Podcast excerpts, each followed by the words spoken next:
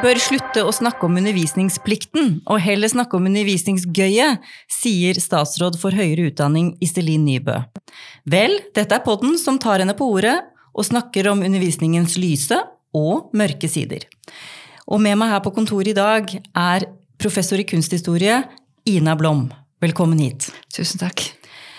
Du, I helgen så var jeg en tur innom Astrup Fearnley-museet, og det var fint vær. Eh, det var deilig å svinge innom Tjuvholmen og sitte litt i sola, ta en kaffe og, og se litt kunst.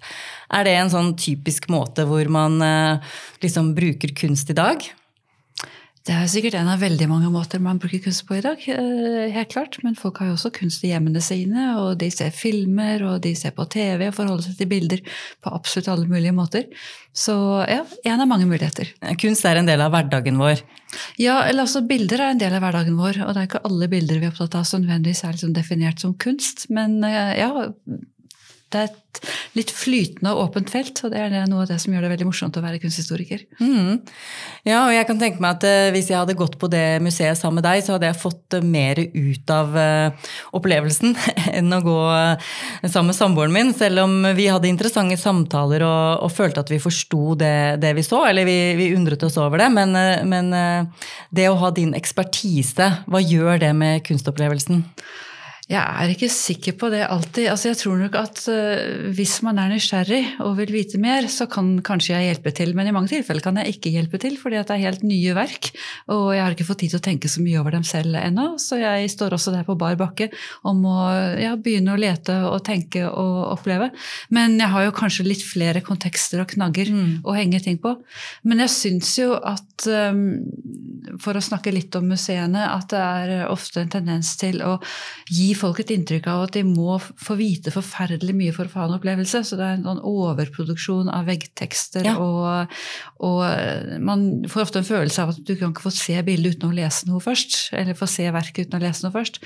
Og det er en, en innfallsvinkel som jeg ikke er så glad i. For det gir jo folk et inntrykk av at, de, av at det er ikke noe, egentlig noe verk å forholde seg til. Det er bare masse forklaring. Mm. Og så kan du kanskje få lov til å se noe, kanskje få lov til å forklare noe.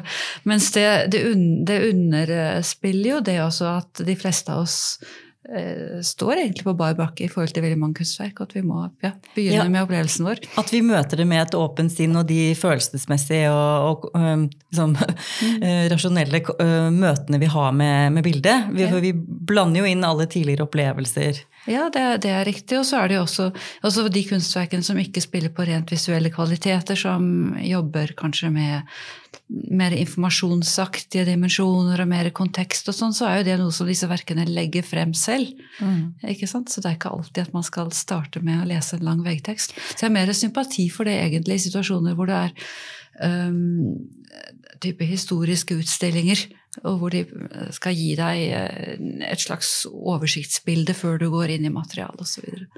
ja. så jeg vil anbefale deg og alle andre å senke skuldrene og gå på museum og oppleve det dere opplever, og så søke informasjon hvis dere er interessert i Ja, men det var jo et uh, godt råd, fordi at jeg er helt enig med deg. Det er ofte lange veggtekster, mm.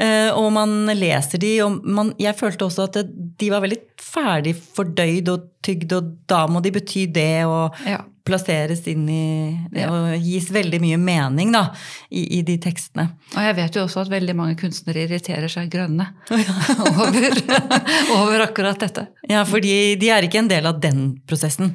Nei, i liten grad. Det er ofte informasjonsavdelingene på museene. Mm. Og eh, alt dette er jo litt et resultat av en sånn litt nervøs Uh, offentlig kultur. altså At man føler at hvis ikke alt sammen gjøres veldig pedagogisk, så kan man fort miste støtte osv. Og, så og det er jo ja, mye, mye, sånne spørsmål inne i bildet. Ja, Og så er det det opplevelsesaspektet ved museet. At man ikke bare ut, opplever kunst, men at man uh, gjør det som en sånn fritidsaktivitet bare for å f.eks.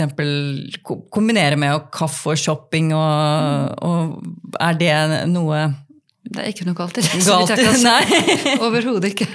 Du tenker at det er liksom en del av det repertoaret man har når man bruker byen, da?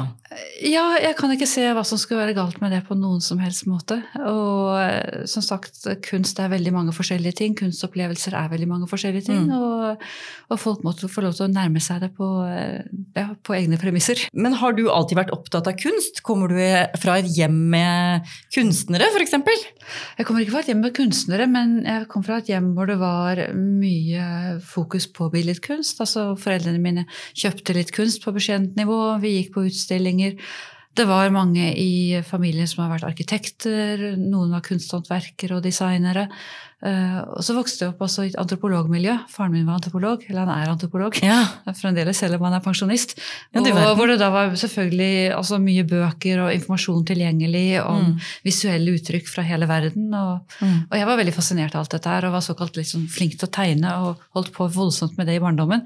Ja. Så eh, jeg var sånn som likte å gå på utstillinger og syntes det var gøy og, og utfordrende med bilder jeg syntes var vanskelig å forstå og sånne ting.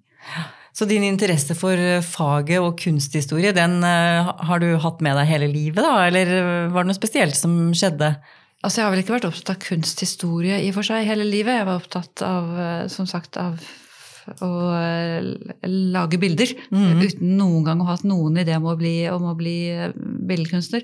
Men jeg tok det relativt dårlige valget å gå på kunstlinjen på gymnaset. Uh, hvor uh, ja, altså, Et dårlig valg fordi jeg skulle ønske jeg hadde fått lære mye mer matematikk. Det ble, mm. det ble i grunnen underspilt veldig, veldig synd.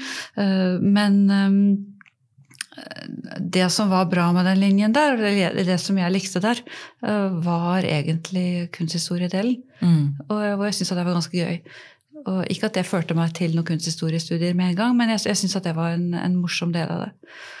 Og så senere studerte jeg kunsthistorie, og jeg må nok erkjenne at på det tidspunktet så var jeg dypt inne i å skrive om musikk og mm. være del av Oslos rockverden og sånne ting. Og var egentlig en, en sånn student som var lite til stede. Ja. Og kom innom, stakk innom og gjorde eksamener og oh, sånne ja. ting. Og, um, du var en av de vi ikke liker? Jeg var en av de man ikke liker. Og jeg oppfattet nok kunsthistoriestudiet sånn det var da, som litt vel uteoretisk i forhold til andre ting jeg hadde studert. Ja. Og at det var ikke Jeg så ikke helt fremtiden der, samtidig som jeg likte materialet. Men sånn kan det altså skje. Veldig, man kan ha interessante veier inn i ting. Via det jeg jobbet med i musikkbransjen, som var åpnet seg for nye medier, videokunst, alle slags performanceaktige aktiviteter osv., så, videre, så kom jeg plutselig inn på et materiale. Et uh, amerikansk og europeisk avantgarde-materiale som gikk mellom billedkunst, nye medier og musikk. Mm. Og ny teknologi. Og uh, alt det syntes jeg var superfascinerende. Og det jeg fant ut etter hvert jeg fant ut jeg ville gå tilbake til akademia, det var at kunsthistorie var et av de få stedene hvor jeg faktisk kunne jobbe med dette. Ja. Og så var jeg veldig heldig å ha en fantastisk veileder som eh, støttet dette fullt ut og ellers alle mine ville ideer. Og, så det ga Ja. Det åpnet opp en ny akademisk verden for meg. Ja, Så da kom du inn i det via musikken? På ja, sett og vis. delvis. Ja. Mm. ja. Eh, men eh, du har også blitt her på, på Blindern. Mm -hmm. Har du undervist andre steder enn Blindern? Altså, jeg har jo hatt mye gjesteforelesninger rundt omkring, og så arbeider jeg nå hver høst på Universitetet i Chicago så jeg er en slags eh, halvveis utflyttet eh, norsk kunsthistoriker. Ja, nettopp. Så du har en delt stilling? Jeg har en deltidsstilling, ja. ja. I Chicago. Men jeg har delt mellom eh, Oslo og Chicago. Det høres jo fascinerende ut, da. Mm. Du klarer å kombinere livet i eh, Chicago og her på Blindern. Eh, hva syns du er de største forskjellene mellom å undervise de to stedene? Det er på mange måter ikke så store forskjeller. Studenter er studenter, og man, jeg underviser jo de samme type tematikkene. Det som er en av de store forskjellene, er at det er mer fleksibilitet og mindre byråkrati i Chicago. Det vil si at en ca. fire-fem måneder før jeg skal begynne på ny høst, så mm. Eh, er spørsmålet oppe ja, Ina, hva vil du undervise i til høsten? Ja. og da er det totalt fritt for meg til å velge det jeg måtte være interessert i for øyeblikket. Og det er veldig ingen form for sånn evaluering av mine pensumlister eller opplegget eller noe sånt, så jeg står veldig, veldig, veldig fritt. Og det er veldig morsomt, for det betyr at jeg virkelig kan jobbe med det aller siste jeg holder på med. Og en annen stor forskjell er at du som regel jobber med, med mindre grupper av studenter på kursene. Det er gjerne et, et tak på 18 studenter. Jeg kan også sette det lavere hvis jeg mener at kurset krever eh, mer innsats for meg og for hver enkelt student. Og 25 er liksom veldig mange hvis du velger å, ha, å åpne det for såpass mange. Så dette er da på det altså De har jo større kurser for sånne innføringskurs i, i diverse emner og sånn, men på de vanlige kursene så er dette gruppene du jobber med. Men det du gjør til gjengjeld, da, som er veldig forskjellig fra her, er at hver eneste student skal også ha privattimer med deg. Altså ikke hele timer, men veldig mye sånn enkelt, uh, enkelt tuition. Så det er en slags veiledning? Ja, det er en slags veiledning som veldig mye handler om å diskutere eh, de uh, paperne de skal skrive, eller hvis de har temaer man har snakket om som de lurer mer på og vil vite mer om, og de er ikke sikre på at de har fått med seg alt, så kommer de for å snakke med deg om det. Så du bruker ganske mange timer hver uke på å sitte i enkeltmøter med studenter. Ja, Det høres ut som forskjellen er at du får større frihet, altså kan være mer kreativ.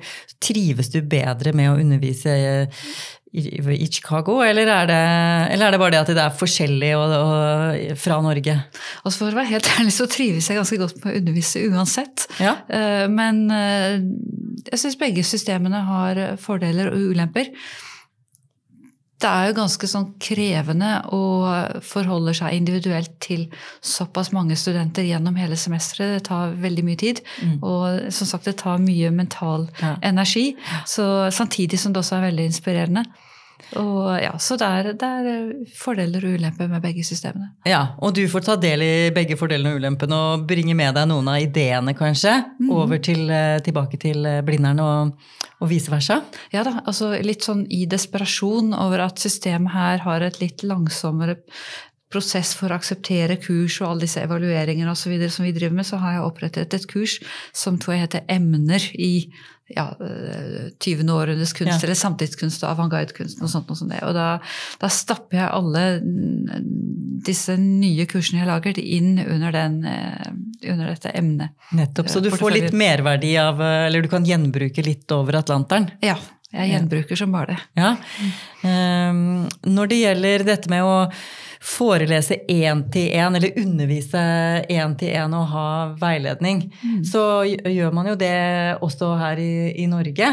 Men uh, studentene er kanskje litt mer krevende i USA, eller tenker du at det er det samme? Altså Én-til-én-undervisningen her foregår jo stort sett på masternivå. Mm. Så det er jo en veldig annen situasjon, og da er det om å skrive en masteravhandling. Så det er veldig, veldig konkret. Jeg vil ikke si at studentene på, i Chicago er spesielt krevende eh, på noen måte. Men eh, du kan si at en større prosent av dem jobber hardere enn studentene gjør her. Altså, de betaler mye for å gå der, ja. og de forventer gode resultater. Og de er også veldig nervøse for å stille opp eh, til timene uten å ha lest. Jeg får sånne desperate e-poster, kommer gjerne tidlig på morgenen. Mm. Dear professor, uh, I was not able to read for this week's lecture, can you please excuse me? Og det er noe jeg ikke får her, men som jeg gjerne skulle sett mer av. Ja, Så de stiller høyere krav til seg selv? Ja.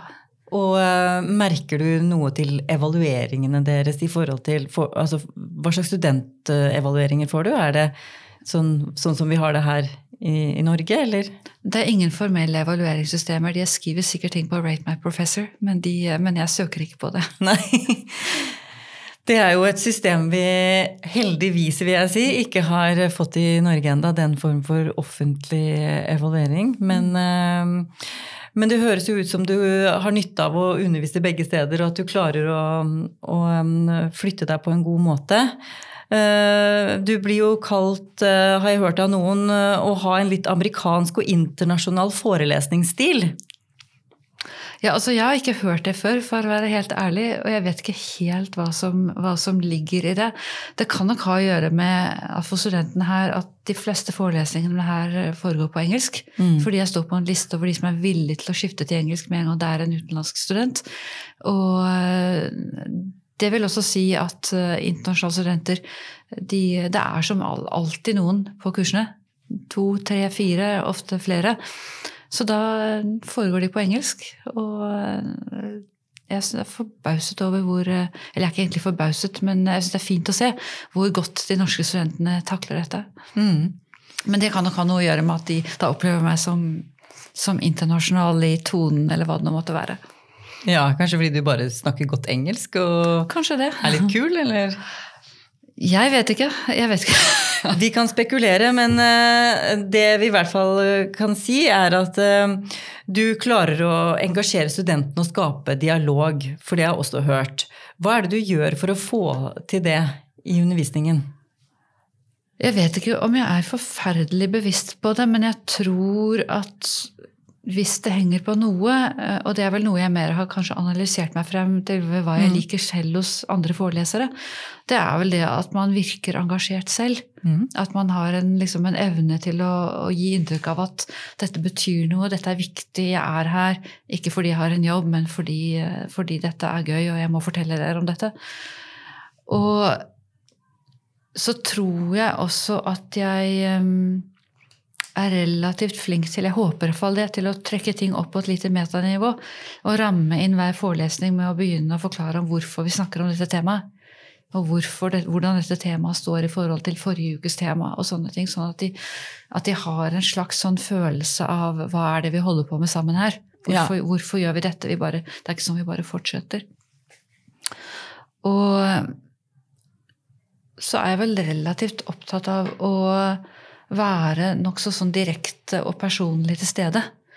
Altså og i liten grad eh, bruke powerpoints Altså jeg bruker det til bilder, men sånne, sånne notatpunkter og sånne ting, det holder jeg til sånn absolutt minimum, for jeg vil at at Det er jo litt narsissistisk, for jeg vil de skal se meg og se uttrykket jeg har i, i, i ansiktet, og armbevegelser, og altså at, at, det er en mer direkte kontakt. Jeg tror faktisk at det er noe som, altså er noe som fungerer.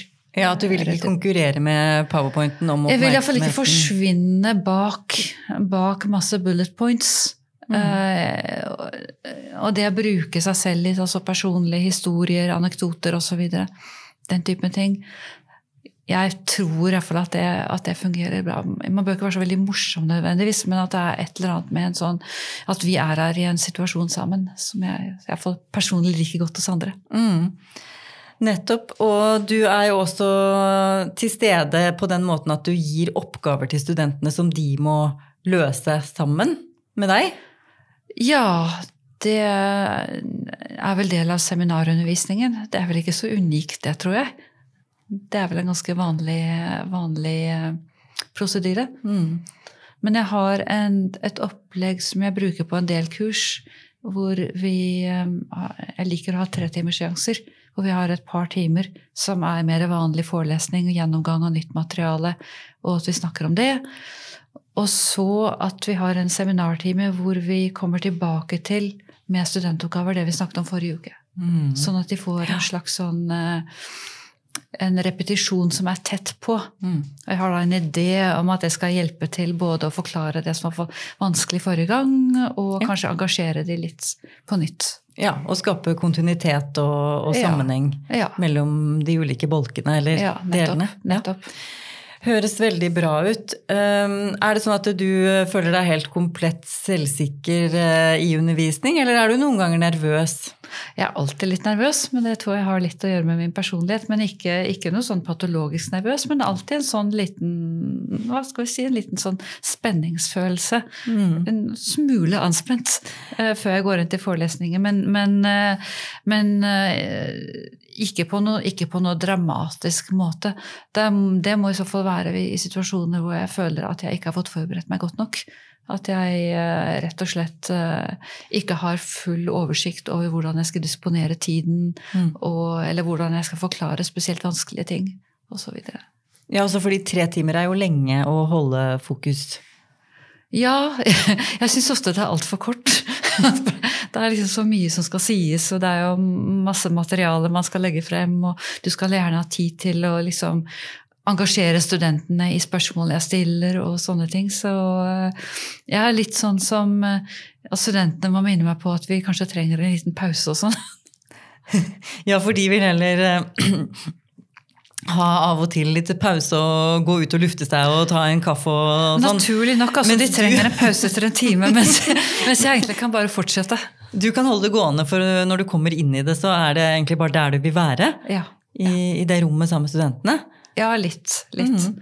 Så det er forferdelig nerdete. Men, eh, men jeg, jeg, er litt sånn at jeg blir eh, Jeg får energi av å holde på med det. Og ja. trenger ikke egentlig noe kaffe før, før, før, vi er ferdig. Men da sitter, jeg, da sitter, jeg, på kontoret og stirrer ut av vinduet. Og får ikke gjort så mye på det. Da har du brukt opp alt? Ja, en liten, det har jeg. Mm. Ja. Men du synes i hvert fall tre timer kommer mer i dybden enn en type dobbeltforelesning eller, eh, eller kortere former? Altså, Vi har jo en dobbeltforelesning, og vi har alltid en pause før denne seminardelen. Mm. i alle fall. Nei, vi har en pause etter en time også, fordi studentene minner meg på det. Men, eh, men den seminardelen syns jeg er fin fordi nettopp vi bruker anledningen til å eh, til å hente tilbake det vi snakket om i forrige uke. Og da har vi jo det vi nettopp har snakket om også, litt som en sånn bakgrunn for det. Mm. Du har jo hatt erfaring eh, både som kunstkritiker eh, i stor grad, og som kurator i tillegg til forskningen. Eh, I hvilken grad har du brukt disse erfaringene i undervisningen? Jeg tror ikke jeg bruker det direkte i undervisningen, bortsett fra at vi nå skal ha utviklet en ekstra masterløp på, om kuratering og kunstkritikk. Og jeg håper å kunne bidra litt der. Men det er nok mer en type kunnskap som hjelper en til å være kunsthistoriker generelt. Altså mm. erfaring med å måtte prøve å beskrive verk og analysere verk og finne godt språk for det på en eller annen mm. måte. Mm. Litt praktisk erfaring, rett og slett. Også øh, ja. også ja, nei, jeg tror det handler om veldig mye også en sånn type At man er oppdatert, rett og slett. Altså, jeg jobber jo som kritiker fremdeles, mm. uh, om ikke i Norge. Og, så du følger jo med. Og det ja, er jo alltid, en, regner jeg med, en god ting. Ja, det vil jo være absolutt en måte å holde seg oppdatert og være i feltet og, og praksisfeltet samtidig ja. som du forsker og underviser. Ehm, men bare til det med kurator. Kanskje vi skal koste på oss å beskrive hva en kurator er for lytterne? Altså, hva er en kurator? Ja, nei, Det kan være veldig mange forskjellige ting. Eh, til forskjell fra en konservator, som, som man bruker uttrykket nå i Norge, handler om teknisk konservering, altså ta vare på malerier f.eks., eller kunstskulpturer eller andre verk. og uh, Sørge for at de uh, ja, ikke går i stykker, at de blir oppbevart på riktig måte. Så er en kurator en som organiserer organiserer utstillinger.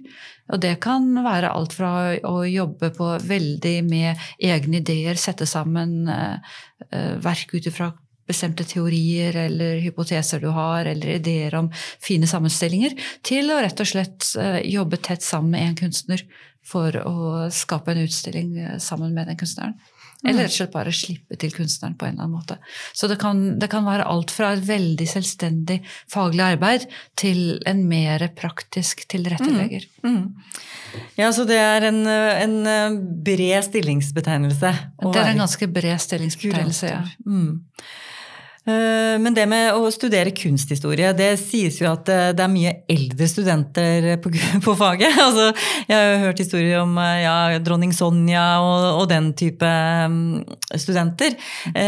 Stemmer det i dag? Altså, hva kjennetegner studentene dine?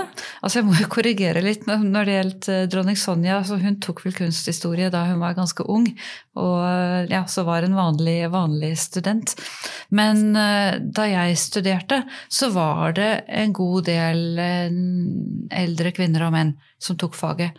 Og gjerne folk som eh, var nye, nylig pensjonister, eller som hadde mye tid for hånden, og som syntes det var et koselig fag å ta ved siden av. Og det var nok kanskje en av grunnene til at jeg ikke fant meg helt til rette i studiemiljøet på kunsthistorie. At jeg syns det var et fag som, eller et studiemiljø som var litt litt voksent eller litt sats eller sånne ting. Iallfall det var i, i, min liksom arrogante, i, i, mitt arrogante verdenssyn da, så var det litt inntrykket. Det har endret seg veldig etter at vi la om faget til eh, bachelor- og mastersystemet. Med krav om stadige eksamener. Man kunne ikke ligge ved Blindern lenger og, og, studere con amore. Nå blir man jo målt og veid hele tiden. Ja. Så det passer nok litt dårligere for eh, den typen studenter. Det er synd på enkelte måter, men jeg tror det har bidratt kanskje til et litt eh, Hva skal vi si eh, Kanskje et litt mer profesjonelt studiemiljø, da. Mm. Ja, Det høres jo ut som det har revitalisert eh, faget, og som du sa, det var litt lite teoretisk da du studerte. Mm. At du nå har på en måte hevet terskelen litt, sånn akademisk? Det har nok litt å gjøre med tradisjoner i kunsthistorie også. Altså Deler av kunsthistoriefaget har jo vært veldig rettet inn mot um, Og i tett dialog mot enkelte behov som museene har hatt. For uh, si, verdsetting av verk, for kategorisering, mm. for ja, den typen arbeid. Og det er kanskje ikke så En del av det ikke så mye filosofisk orientert, og ikke så mye orientert rundt de større sosiale spørsmålene som, som også er en viktig del av kunsthistorien. Uh, men så har jo vært andre tradisjoner innenfor kunsthistorien som har gått i helt andre retninger. Mm. Og det har nok vært noe av et generasjonsskifte her. Noe mm. som ble kalt såkalt New Art History. Mm. Som dukket opp på 70- og 80-tallet, og, og, særlig ble veldig sterkt på 90-tallet, det er litt produkt av dette her. Det har nok tatt over i mye større grad. Og knyttet til, også til spørsmålet om kunsthistorie og visual studies og visuell kultur osv. Ja. Så derfor så er kunsthistorie noe annet i dag enn det var for 20-30-40 år siden? Det er noe annet i dag i Norge og på en rekke andre institutter, men hvis man ser tilbake på kunsthistoriske tradisjoner tilbake til 1800-tallet, så var visuell kultur en like stor del av det som det er i dag, bare litt annerledes formulert. Mm. Så det har nok litt å gjøre med ulike institutter og ulike vektinger. Mm. Du har jo nevnt en del uh, måter kunsthistorien er relevant uh, i samfunnet i dag. Mm. Uh, men hvis du skal si det litt mer generelt, hvordan syns du, syns du, kunsthistorien står seg liksom, som, som, i forhold til sånn nyttetenkning? Altså, jeg mener jo, og det tror jeg skal komme inn på litt, med litt detaljer, at kunsthistorie er et fag som eh, burde være ekstremt interessant og nyttig på, på veldig, veldig mange måter. Altså, vi er i en situasjon hvor altså, bilder brukes og spres og produseres på et utall av nye måter. Altså, vi lever med bilder på måter som er helt unike i verdenshistorien. Og vi vet egentlig ganske lite om hva bilder er for noe i den situasjonen, og hva de gjør med oss. Og å ha et fag som kan sette dette inn i en bred, eh, bred forståelsesramme, både antropologisk og historisk og evolusjonsmessig og på alle mulige måter, mener jeg må være supernyttig. Og koblingen også mellom å tenke kunst i forhold til nye teknologier og gamle teknologier Eh, og bilder i forhold til nye og gamle teknologier. Veldig vanskelig å komme unna i dag, tenker jeg. Og man har jo også sånne begreper som at vi har hatt en tendens til å tenke på bilder enkeltvis. liksom Ett og ett bilde. Og i dag tenker vi jo like mye på bilder som flommer og strømmer og liksom økologier av bilder og miljøer av bilder. Altså bilder som nærmest som livsomgivelser. Mm. Ja, vi omgir oss jo med bilder eh, på, eh, på mange måter, men særlig kanskje gjennom skjermer. Mm. Og du er jo med på et tverrfaglig prosjekt om screen cultures. Mm. Så det er jo en interessant måte også å koble ulike fagfelt her på HF til å forstå skjermer. Og da er jo kunstfeltet, eller kunsthistorien, veldig viktig. Ja, jeg tenker det. Altså, jeg har hatt et veldig morsomt samarbeid i mange år med medievitere. De er jeg håper å si, mine yndlings-HF-folk. Uh, det er jo veldig, veldig, hyggelig å høre. Jeg er jo medieviter selv, og medieviterne har vel eh, også et ønske om å være litt sånn sentralt på HF, men, uh, men er også litt outsidere, på en måte. Så det at du finner det interessant å samarbeide med medievitere, er jo veldig hyggelig. Ja, altså det er jo sånn med HF-fag at de fleste HF-fag strekker seg over, egentlig over mange disipliner. Og vi er jo litt sånn tilfeldig organisert og, og delt opp.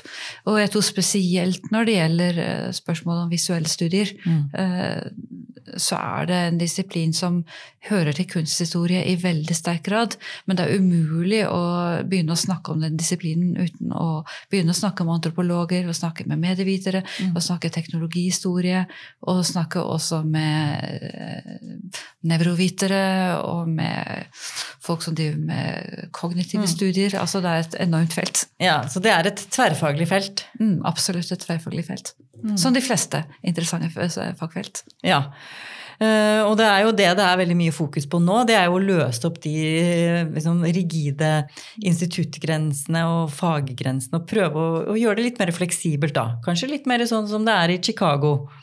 Ja, altså jeg vil ikke si at det nødvendigvis er mer fleksibelt i Chicago enn her. Og jeg tror også at det er noe med, med tverrfaglighet som er både interessant og problematisk. Fordi mm. man, man, kommer jo med en ballast fra bestemte fagtradisjoner, bestemte måter å gjøre det på.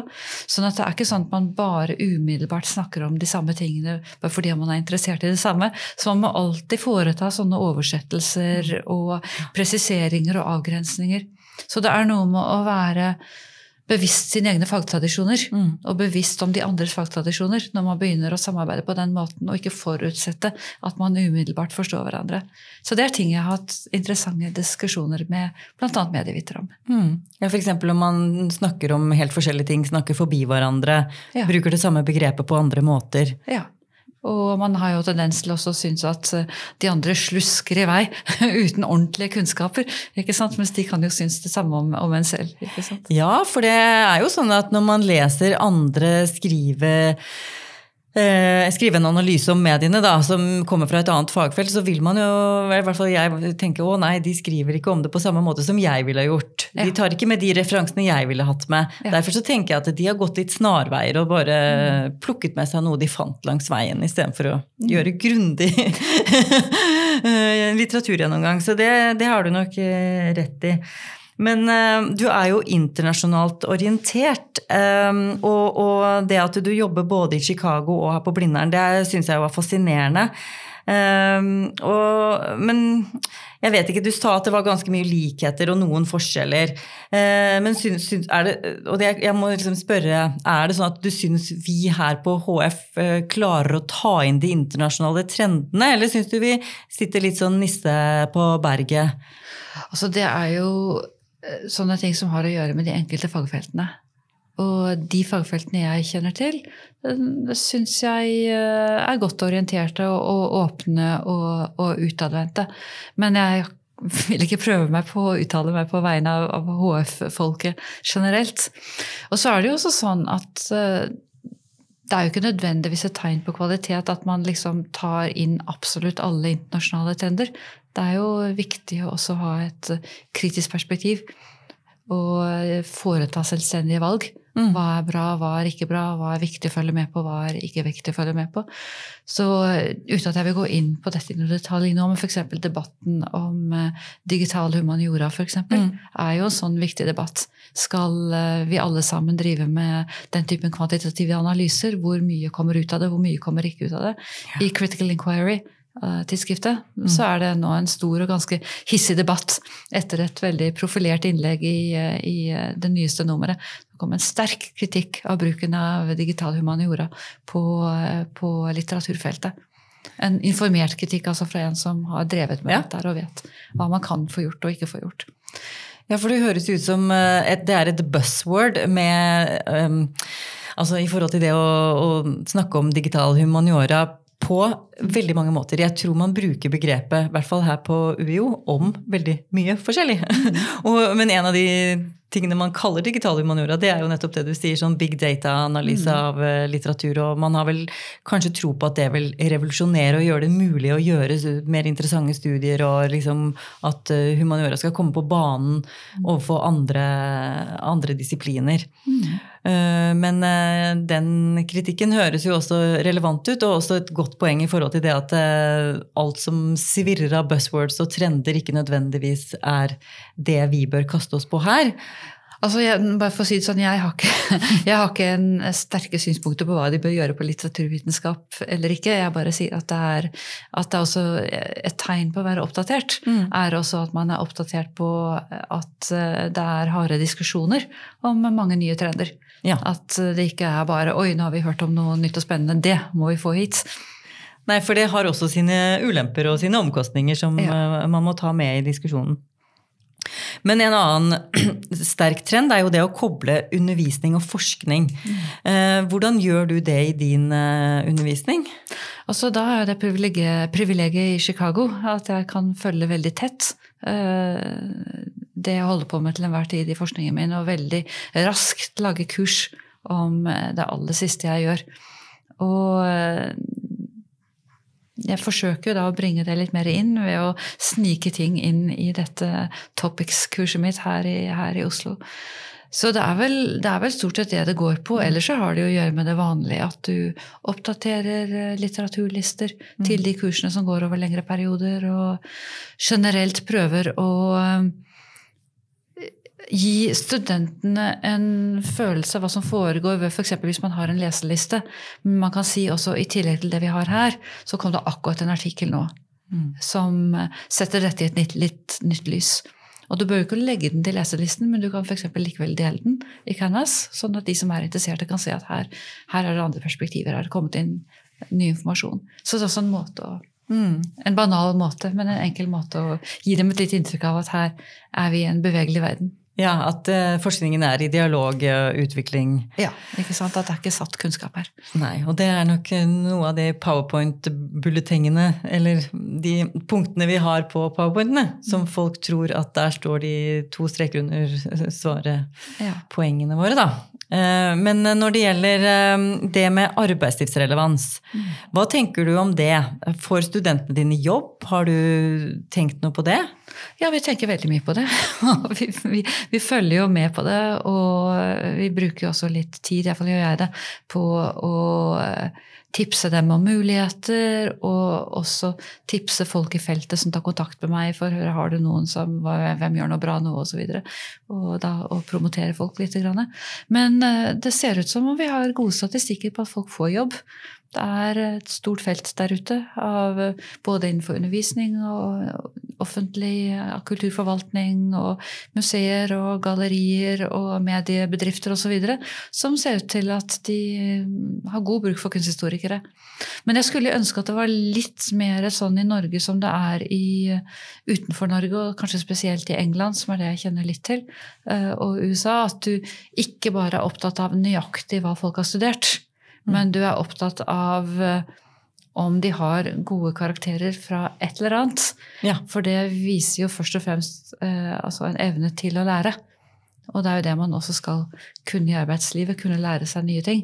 Så ikke nødvendigvis bare det du har av spesialkunnskap, men at du har dokumentert evnen til å sette deg inn i ting og håndtere problemstillinger og osv. Så, videre. så det vil jo være en god ting.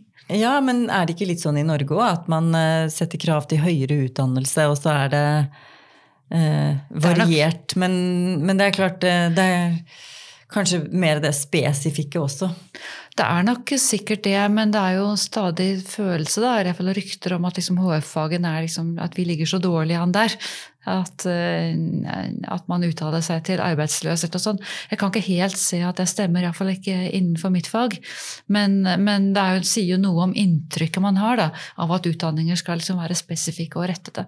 Mm. Men jeg tror det er veldig farlig for HF å gi studentene og, og, verden for øvrig eh, et inntrykk av at vi er en slags profesjonsutdannelser. For det er vi jo ikke. Så vi utdanner til eh, en viss type si, aktivitet og kunnskaper. Men ikke rettet så mye mot spesifikke yrker. og Det tror jeg også er vår styrke. Mm. Ja, det tror jeg absolutt. Og at vi tiltrekker oss studenter som er veldig åpne og nysgjerrige, og som har faglige ambisjoner, men som ikke nødvendigvis vil rette seg inn mot et yrke med en gang. Mer ja, en mer åpen tilnærming. Mm. Så det, det, er jeg enig i. Men samtidig så er det det med kontakt med arbeidslivet som du også beskriver godt. Altså man er et kontaktpunkt mellom arbeidslivet og studentene ved å mm. tipse begge veier. Eh, men drar dere også på studieturer eller ekskursjoner med studentene? Ja, jeg har ikke gjort det så mye. Eh, det er ikke mitt spesiale, men vi har eh, ekskursjonskurs. Så det er et eh, viktig aspekt ved kunsthistorie. Altså det å være sammen og se på arkitektur eller se på kunstverk. Mm. Og faktisk se ting fysisk. Altså, nå om dagen så har vi jo adgang til bilder på en måte som tidligere kunsthistorikere ikke hadde. De måtte jo ut og reise. Men det er noe med at det er veldig mye du har ikke sett det før du har sett det ordentlig. Selv om bilder kan, eh, digitale bilder kan gi mye informasjon, så, eh, så er det noe annet å, å, å se ting close up. Mm. Så det er et viktig aspekt ved faget. Jeg har jo sett litt på en av bok du har skrevet, eh, og jeg har den foran meg her nå. Det jeg ser på coveret, det er en lampe. Boken heter On the Style Site Art, Sociability and Media Culture. Eh, hvorfor har du valgt et bilde av en lampe på forsiden? Grunnen var at jeg sto eh, rundt 2000 overfor et slags noe som var eh, vanskelig for meg å forklare i kunsten. Det var masse nye kunstverk som så ut som det handlet om arkitektur og design og den typen fenomener. Men altså ikke, ikke, praktisk design og ikke faktisk arkitektur. Og på det tidspunktet ble det skrevet veldig mye om at ja, nå er grensene liksom visket ut mellom kunst og design og kunst og arkitektur osv. Og, så og jeg kunne ikke helt få det til å stemme. Det virket ikke, det virket ikke riktig. Så jeg begynte å se nærmere på det hele dette fenomenet. Og det jeg fant ut, var at nesten alle disse arbeidene på en eller annen måte var mediemaskiner. Mm. Og at det var veldig komplekse arbeider som sjelden var liksom enhetlige og helhetlige verk, med en slags kjedereaksjoner eller sett av liksom komplekse eh, sammenstillinger som fikk deg til å begynne å tenke over hva er moderne omgivelser, og hva er moderne liv. Så det var altså en type arbeider som Dette er litt komplisert, men det er en type arbeider som dannet forbindelser mellom livsstil og livsstilisering, altså hvordan vi skaper våre egne omgivelser og skaper oss selv, og koblingen til eh, det vi kan kalle postindustriell produksjon, altså former for produksjon som har mer å gjøre med hvordan vi lever, hvordan, hvordan så å si alt vi gjør i medieverdenen, som handler veldig mye om det vi gjør på fritiden, hvem vi er, hva vi er i ferd med å bli, hva slags liksom, ideer og tanker og drømmer vi har, hvordan vi skaper oss selv og våre, og, og, og våre omgivelser. Hvordan dette faktisk er også da former for arbeid former for økonomisk arbeid. Så dette var eh, kunstnere som var eh, både, eller som er både godt opplest på sosial filosofi og økonomisk teori og politisk filosofi. Og sterkt interessert i koblingene mellom kunst, livsstil og politisk tenkning. Så det var det jeg skrev om denne boken. Derfor en av disse verkene her på forsiden er en lampe. Og det er en lampe som i realiteten er en, eh, en mediemaskin. I den forstand at den er koblet til, et, eh, til internett, ja. rett og slett. Sånn at det lyset den lampen gir, er til enhver tid det samme lyset som det du har på annen, et annet sted eh, i, i verden. F.eks. i byen Montevideo i Sør-Amerika. Sånn styrken av lyset i lampen det Oh, ja. er så å si televisuelt overført. Hele den lampen er så å si et uh, TV-apparat. Hvis du tenker på TV-apparatet ikke som noe som har å gjøre med bilder på skjerm, men med overføring mm. i, uh, ja. i sanntid fra et sted til et annet. Fascinerende. Så den, den, lampen der og en rekke andre er en slags modell for hvordan nye medier og arkitektur og design og måter å leve på, måter å være på, var koblet sammen i disse arbeidene. Så derfor skrev jeg denne boken, for å rydde opp i alt dette her. Og eh, også gi en annen teori om hvordan kunst eh, tenker om eh, politiske og sosiale fenomener. Mm. Jeg syns du har lykkes godt med det. Og liker veldig godt det bildet av lampe som du har valgt på coveret. Nå nærmer vi oss slutten, men jeg har tre faste spørsmål til slutt. Uh, har du noen tips til andre undervisere? Hva er din suksessoppskrift? Altså, Jeg vet jo ikke om jeg har noen sånne geniale tips. Eh, jeg tror jo at jeg er en ganske sånn vanlig foreleser på den måten at jeg forholder meg til eh, ja, samme gode og dårlige ideer som de fleste andre.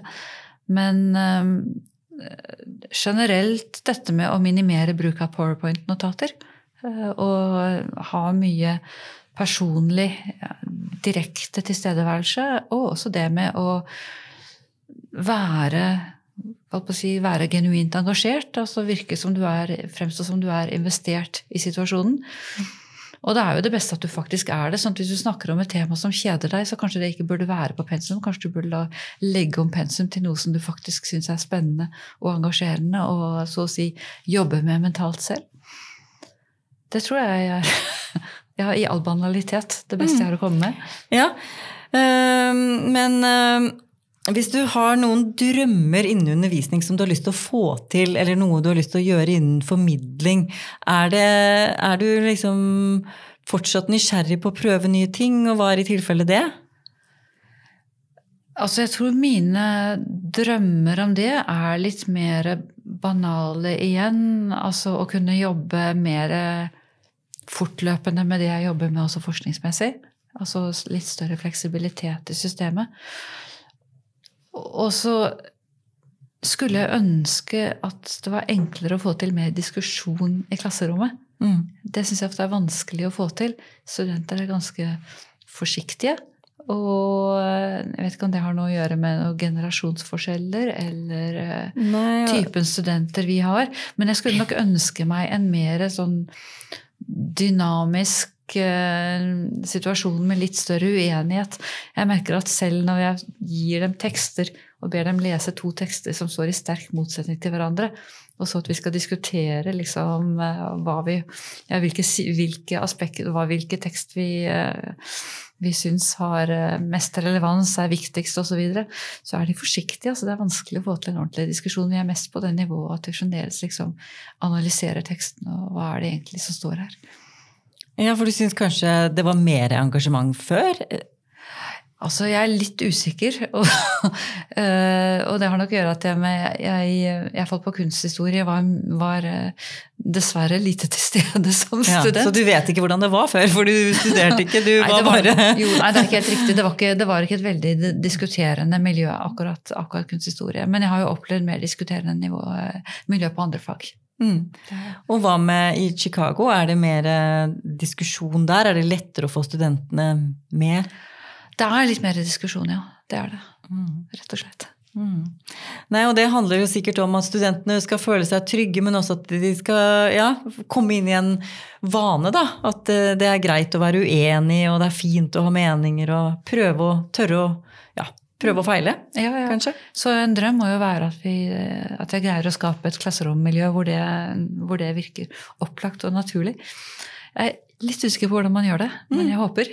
Ja, det høres bra ut. Eh, helt til slutt, hva tror du er den største forandringen innen høyere utdanning om sånn ca. 15 år fram i tid? Mm. Det er et stort spørsmål. og det er sånn typisk spørsmål hvor man skal Vi har jo tendens til å tenke på fremtiden som bare mer av det vi har nå. ikke sant? Mer og flere eh, teknologiske plattformer som vi skal bruke for å undervise på nye måter osv. Men eh, som regel tar vi jo feil om disse tingene, fordi sånne utviklinger de tar vendinger vi ikke kan forutse nå i dag. Det var en eller annen eh, tenker på 1800-tallet, som hadde en spådom om at eh, London innen få tiår ville være dekket av flere meter med hestemøkk. Det var også en tenker som ikke så bilen komme, naturlig nok, for det var ikke noe, noe frempek mot den akkurat der og da. Så, men jeg har jo to scenarioer, da. Eller ett fryktscenario. Mm. Og den er jo basert på tendenser som jeg ser i dag som bekymrer meg. Og det er økende grad av privatisering, ikke sant. Mulig betaling for utdanning i, i Norge også. Og med økende sosial polarisering som resultat av det. Og også minkende respekt for fortolkende fag og historisk-filosofiske former for kunnskap. Dette er ting vi ser litt sånn i emning her og der, og kanskje sterkere uh, utenfor Norge også. Så det er noe jeg selvfølgelig er bekymret for. Men så er det jo også positive alternativer, da, som kanskje vil være drevet frem av de krisene vi ser rundt oss. Altså eh, miljøkriser, eh, immigrasjonsflommer, eh, kanskje som resultat av det osv. Som kanskje vil kreve altså, eh, interessante nye samarbeid eh, på tvers av faggrenser. Nye måter å tenke fagene på som kan være veldig spennende. Og kanskje f.eks. at noe jeg ser på som et veldig kunstig skille, f.eks. skille mellom HF-fag og SV-fag, som er jo litt tilfeldig, at det eh, kanskje kan oppløses i større grad. Økende kontaktflate mellom HF-fag eh, og naturvitenskapene. Med alle de begrensningene som selvfølgelig ligger i slike samarbeid, men, men, eh, men like fullt. Så sånne ting kan man tenke på. Ja, og det var jo veldig bra at du avsluttet på en positiv tone her. fordi at eh, det kan jo, som du sa på tidligere eksempel, det å gjøre mm, framtidsanalyse eller framtidsscenario, det er jo en eh, vanskelig øvelse. Men, eh, men, veldig bra innsikter du bringer til torgs der, og viktig å ha i mente. For vi er jo også med å skape fremtiden vår her og nå. Så takk for at du kom hit og diskuterte undervisning med meg, Ina Blom. Ja, takk for at jeg fikk fikk komme. Og vi er tilbake neste uke med en ny spennende gjest fra akademias høyeste elfenbenstårn og dypeste korridorer. Husk å abonnere på podkasten i iTunes eller Spotify, og gi oss gjerne tilbakemelding i form av stjerner eller en liten kommentar. Det setter vi pris på. Takk for oss.